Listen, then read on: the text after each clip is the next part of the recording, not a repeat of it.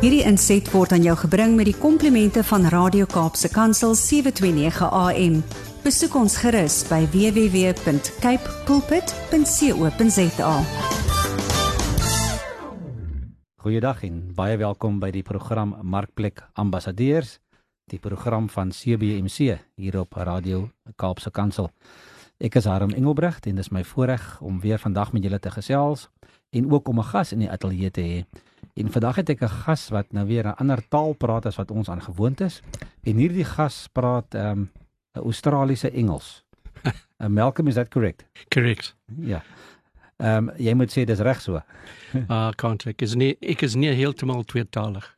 Well, that sounds good. That's all I've learned. Uh, so ja, vandag is dit my voorreg om 'n bietjie met Malcolm Boyd te gesels. Malcolm is 'n gaan ons bietjie vertel van homself. Hy's betrokke by 'n klompie goed. Ehm um, onder andere World Vision waarvan hy bietjie ook sal gesels as hy die voorsitter, maar ook uh, betrokke in die in die Engels praat ons van die non-profit sektor, die die nie winsgewende eh, ehm um, organisasies um, is hy betrokke met opleiding vir vir vir rade en vir trustees en hierdie tipe van goed. Hy sal ons bietjie meer daarvan vertel later, but Malcolm, let's just start off by sure. saying good day to the to the listeners. Good morning listeners and uh, thank you for taking the time to listen to this and thank you Haram for the opportunity.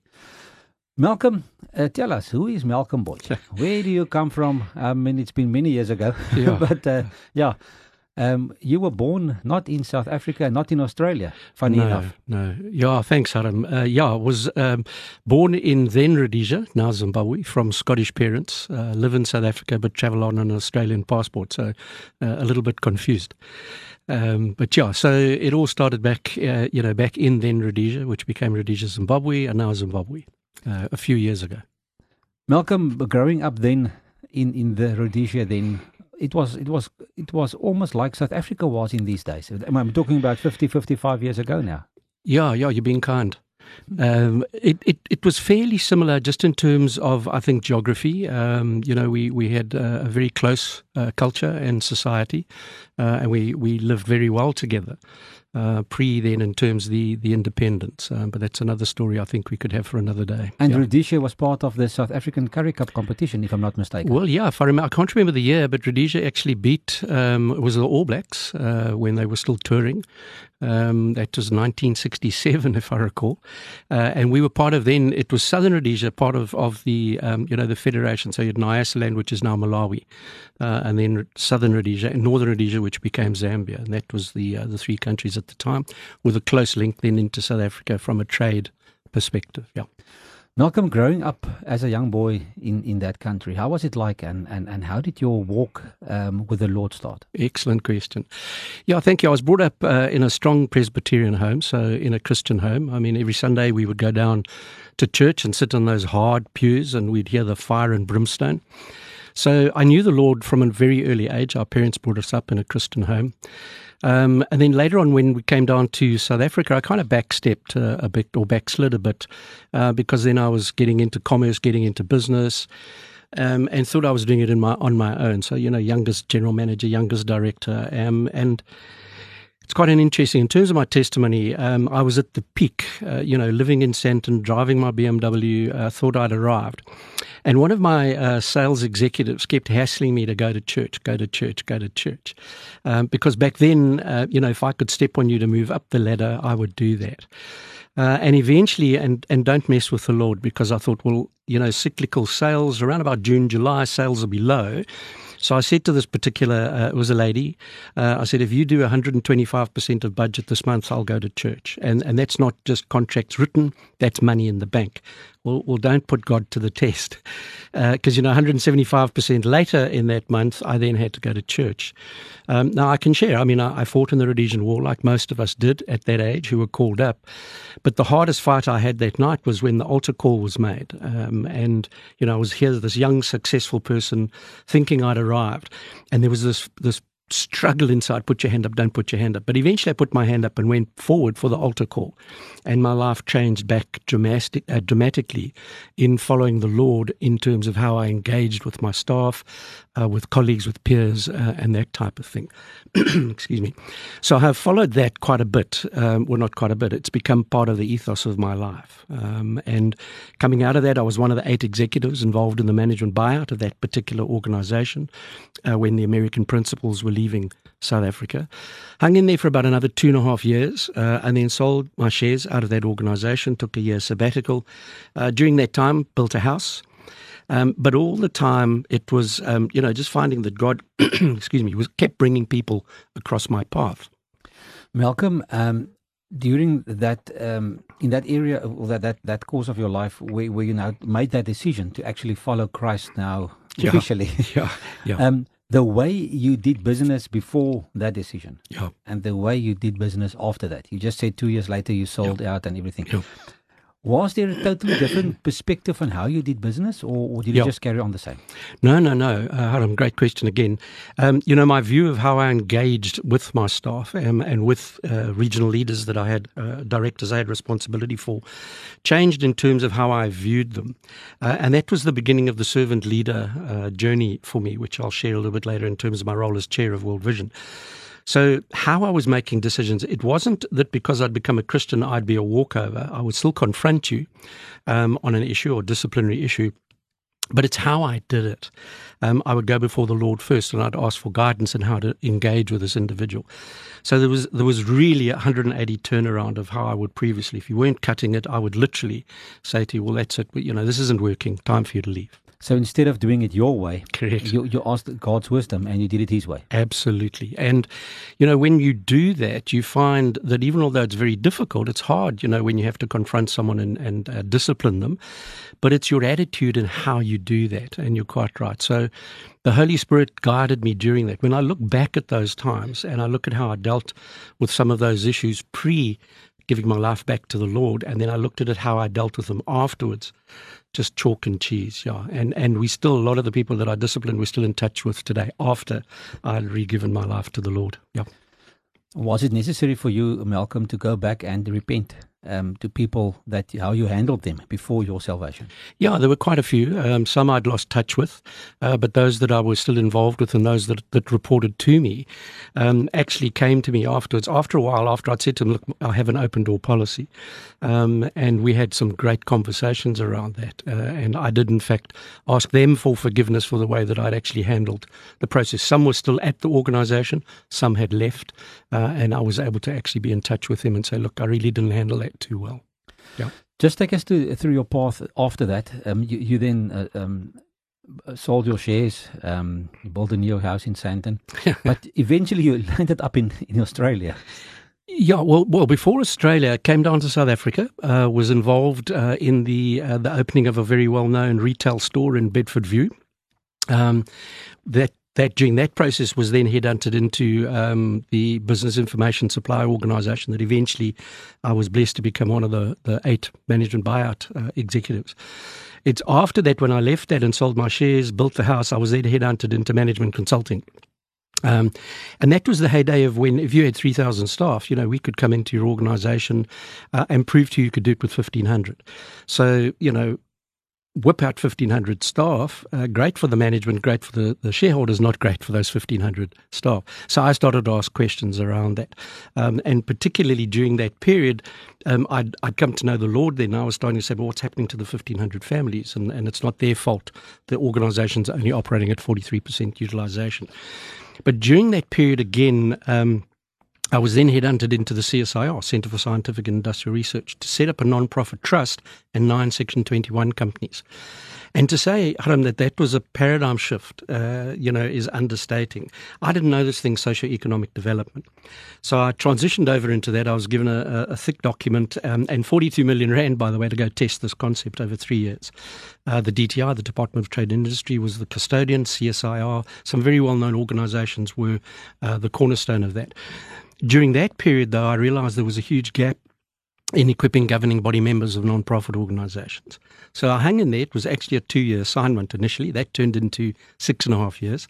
We handed over first time uh, ten organisational structures with unqualified audit reports back to Minister Erwin at the time, the DTI, and that's when I took a break and I went over to Australia and spent two years doing research on the third sector and small business development with the view to coming back to South Africa if I could find some models that were easily adaptable. But you know, we tend to beat ourselves up in South Africa. We're actually ahead of the pack uh, when it comes to many things globally. We always think things overseas are better. But, but God led me back to South Africa with this knowledge of having a look from a first world perspective into uh, South Africa, and hence the start then into my passion to equip executives and governing bodies of non-profits. So that's the sort of Australian angle to it. Yeah. Malcolm, uh, how easy or difficult is it um, as a Christian uh, to put guidelines down um, for boards, how to how to run the organization, how to run the ministries, how to run the, the non-profits, and how to run the companies. I mean, obviously, not everybody sits on the same uh, yeah. it's on the same level spiritually. Yeah, exactly. So, you you raised a good point. Um, you know, if you're working with faith-based organizations, that's a slightly slightly different approach. And even if you've got your board members coming from different denominations, generally there's there's a you know there's a collective understanding of what your faith is all about and why we're doing this. If you work with non-profit organizations or social impact organizations that aren't faith-based, um, and you may have one or two Christians on the board, it can become a very difficult uh, role uh, in terms of discharging your duties. So, how we approach it through Third Sector Insights, we're a non-profit trust. Our uh, byline and ethos is shining the light into the boardrooms of non-profit and social impact organizations uh, to equip and coach those executives and non-profit directors to become more effective and efficient in discharging their duties on behalf of the stakeholders and ultimately the beneficiaries. So when you're in a faith-based organisation and coming at it from a board level, you're quite right, Harm. You know, one of the biggest challenges, not unique to South Africa but globally, is finding qualified board members. They may have a passion for the social issue, but they might not necessarily understand what governance and board leadership is all around. So when we look at that, it's around discernment. It's around understanding that we're doing this for the Lord. Um, and when you hit some tough patches, and it's again a misnomer that because we're a Christian organisation, I'll, I'll, share World Vision. We're unashamedly Christian, but we serve all populations. Um, when you come at it from that perspective, it doesn't mean that we're going to have rubber stamping at the board meetings. We do confront each other. Um, but the difference is when we hit some tough, really tough issues, we say, let's stop the bus, get on our knees and pray about this. So picture a, a board of directors of 12 people on their knees praying about an issue and then coming back to the boardroom table and discussing it. As opposed to, I, I deal with a lot of organizations that are secular. Um, that each board member has their own agenda, uh, and many times the board meeting kind of gets into you know a, literally a fist fight where they want to um, climb across the boardroom table and sort each other out because it's not going their way. So you have to manage through that and bring in uh, the discipline and bring in the understanding of discharging your duties and bringing in the fact that you're using God's money first, if it's a faith based, and, and, in fact any other organization, and then you're using other people's money to serve a social issue. So you really need to be aware of that. Uh, and then how you apply that, what we do is we coach and engage with those governing body members, particularly the CEO and the board chair, and then the board members to identify where the gaps are. And then we just help equip them to be more effective in the discharging of their duties. The byline of all of that, though, and shining the light in, is that all of those decision making processes are actually biblically based how you treat your staff, how you treat your service providers, uh, how you treat your stakeholders, where you're getting the revenue from, and ultimately how we treat the beneficiaries that we're privileged to serve. So there's the servant leadership role. And if I can just bring that in there, you know, my role, and, and I've been privileged, I'm on the board uh, of World Vision now. I'm in my last two months of my ninth year. Uh, so it's been eight years and 10 months I've had the privilege of serving on the board. But as the board chair, my role, and God really impressed this on my heart, the servant leader role is to create an empowered environment for my colleagues on the board to reach their full potential. Because if they reach their full potential, and I've been able to work with them to create that, then we reach our full potential, and then we can ensure that our team, our CEO or national director, as, as he's called here in South Africa, are fully equipped to be able to do what they need to do. And that's a biblical perspective. Because how can we have an expectation of them to deliver in the next board meeting when we get there if we haven't ensured that we've equipped them? So we open every board meeting in prayer. We have a time of devotion. Excuse me, our Saturday mornings uh, are generally our board meetings. Then we have communion.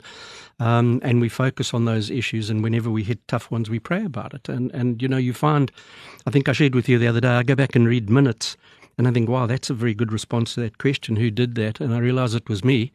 Uh, but it wasn't actually me. It was the Holy Spirit talking through me because it was an issue that I've never dealt with before. Um, so while while I'm chairing the board meeting, there are issues that are going to come up that I, I, just don't know, and and I've just got this. I think we have an unfair advantage. We can go before the Lord every nanosecond of every day, and just say, Lord, gee, I've never dealt with this before, inside, internal, and then out comes this amazing response and then you realize when you go back and reread the minutes that it, it really wasn't from you. Ja. Malcolm in in Afrikaans in Spreuke 3 vers 5 en 6 staan daar geskryf: Ken die ken hom in alles wat jy doen en moenie op jou eie insig staat maak nie. Uh, moenie dink jy het die wysheid in pag nie. Ja. So in other words, know him in everything that you do. Amen. Um in in all your ways uh, follow the Lord. Ja. Um and it, it's quite important also when you're in uh, head of a business um, yeah. or one of the directors or board members. Yeah. Um, when you sit as a board member or a director of a big company and you sit with non-believers around the same table, yeah. how do you apply that? Uh, also, a great question. Um, you know, it's it's coming at it from saying let's let, if let's say there's a tough conflict happening in the boardroom, um, and there's people having a go at each other, just say, "Stop the bus. Let's have a look at what's the issue at hand here. What's the common enemy, irrespective if you're a secular individual or a Christian, or a or a Hindu or a Baha'i, or so." When we look at that, we've there's a common enemy, whether that's um, hunger, poverty, or whatever it is through an NPO. And that's how you mobilize, where you have a mix of Christian and non Christian individuals on a board. And we focus on the actual enemy. And I'm using the word enemy, but it is because the enemy doesn't want us to go into these areas and be successful through our social impact organizations because we're going into his fertile breeding ground. So when you're dealing with conflict at the board level, it's just say, well, let, understand, let's, let's attack the problem or the enemy, not each other. Let's have a look at what the issue is, and then let's work collectively together. So many times, uh, unfortunately, in the NPO space, most board chairs get appointed by default um, you need a strong board chair who understands these nuances, particularly if you're chairing an organization that is not openly faith based or Christian based. Again, just coming back to it, it's, how you approach it, how you deal with it, how you you find a common enemy or a common issue, and that cuts across those kinds of things, and, and one can deal with it. Yeah, yeah. But in a in a for profit company, it's not always that easy no. because sometimes the, the non believers will, will will will just run for the profit where the where the Christians will say no no no we must also plow back into our community or sure. we must we must sow back or we must all show tithe or yeah. things like that and then it's become, it becomes a very difficult issue. It, it does. Um, and again, though, those should be conversations that should be had when you've been asked to come onto the board uh, and and understand that maybe it is a secular organisation. But you know, we find I work with quite a few other organisations um, that technically there's not one Christian on the board, but they're doing phenomenal work. They have a passion to serve.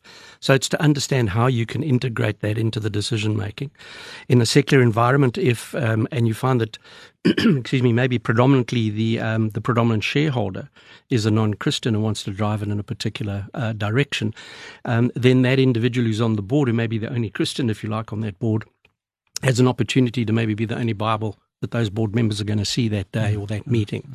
It's how you approach it. Um, and even through the World Vision model, we don't proselytize in the communities we go into. We have staff who live in those communities. Their children go to those clinics, go to those schools. We just show the love of Jesus by the way we engage with the communities in the areas we're privileged to serve. So it's getting it back to saying we're, we're here to be of service to the stakeholders who aren't at the boardroom table, whether it's a for, for profit, not for profit, or a secular, um, and ultimately on behalf of those stakeholders servicing the beneficiaries or serving the beneficiaries. In an NPO structure, those are social issues. In a for profit, it's to make profit, it's to sell a service or a product. How we do that, how we make our profit, what we do with our profit, excuse me, then globally is being reviewed by the Global Reporting Initiative. So there are quite a few indicators, material indicators out there that have a look at are you being a good corporate steward? Yeah. Malcolm, baie dankie. Ons tyd het uitgehardloop en daar's so baie waaroor ons nog kan praat. Ja. Um, ek gaan jou graag terugnooi om volgende week weer met my te gesels. Awesome. Dis 'n bietjie verder praat oor hierdie dinge want ek dink dis belangrike goed vir al vir die besigheidseienaars wat daar sit en wat wat gelowiges is en wat die Here wil dien en wat dalk sit met vennote of of werknemers wat nie altyd op dieselfde bladsy is wat betref ehm um, uh, uh, uh, uh, miskien hulle hulle visie nie en dalk ook nie wat betref hulle hulle waardes nie. So ek wil baie graag met jou 'n bietjie verder gesels volgende week, maar baie dankie dat jy ingeloer het vandag. Ons waardeer dit regtig. Tot It's volgende keer. Totsiens. My pleasure. Thanks Harman. God bless to you and the listeners. Thank you. Hierdie inset was aan jou gebring met die komplimente van Radio Kaapse Kansel 729 AM. Besoek ons gerus by www.cape pulpit.co.za.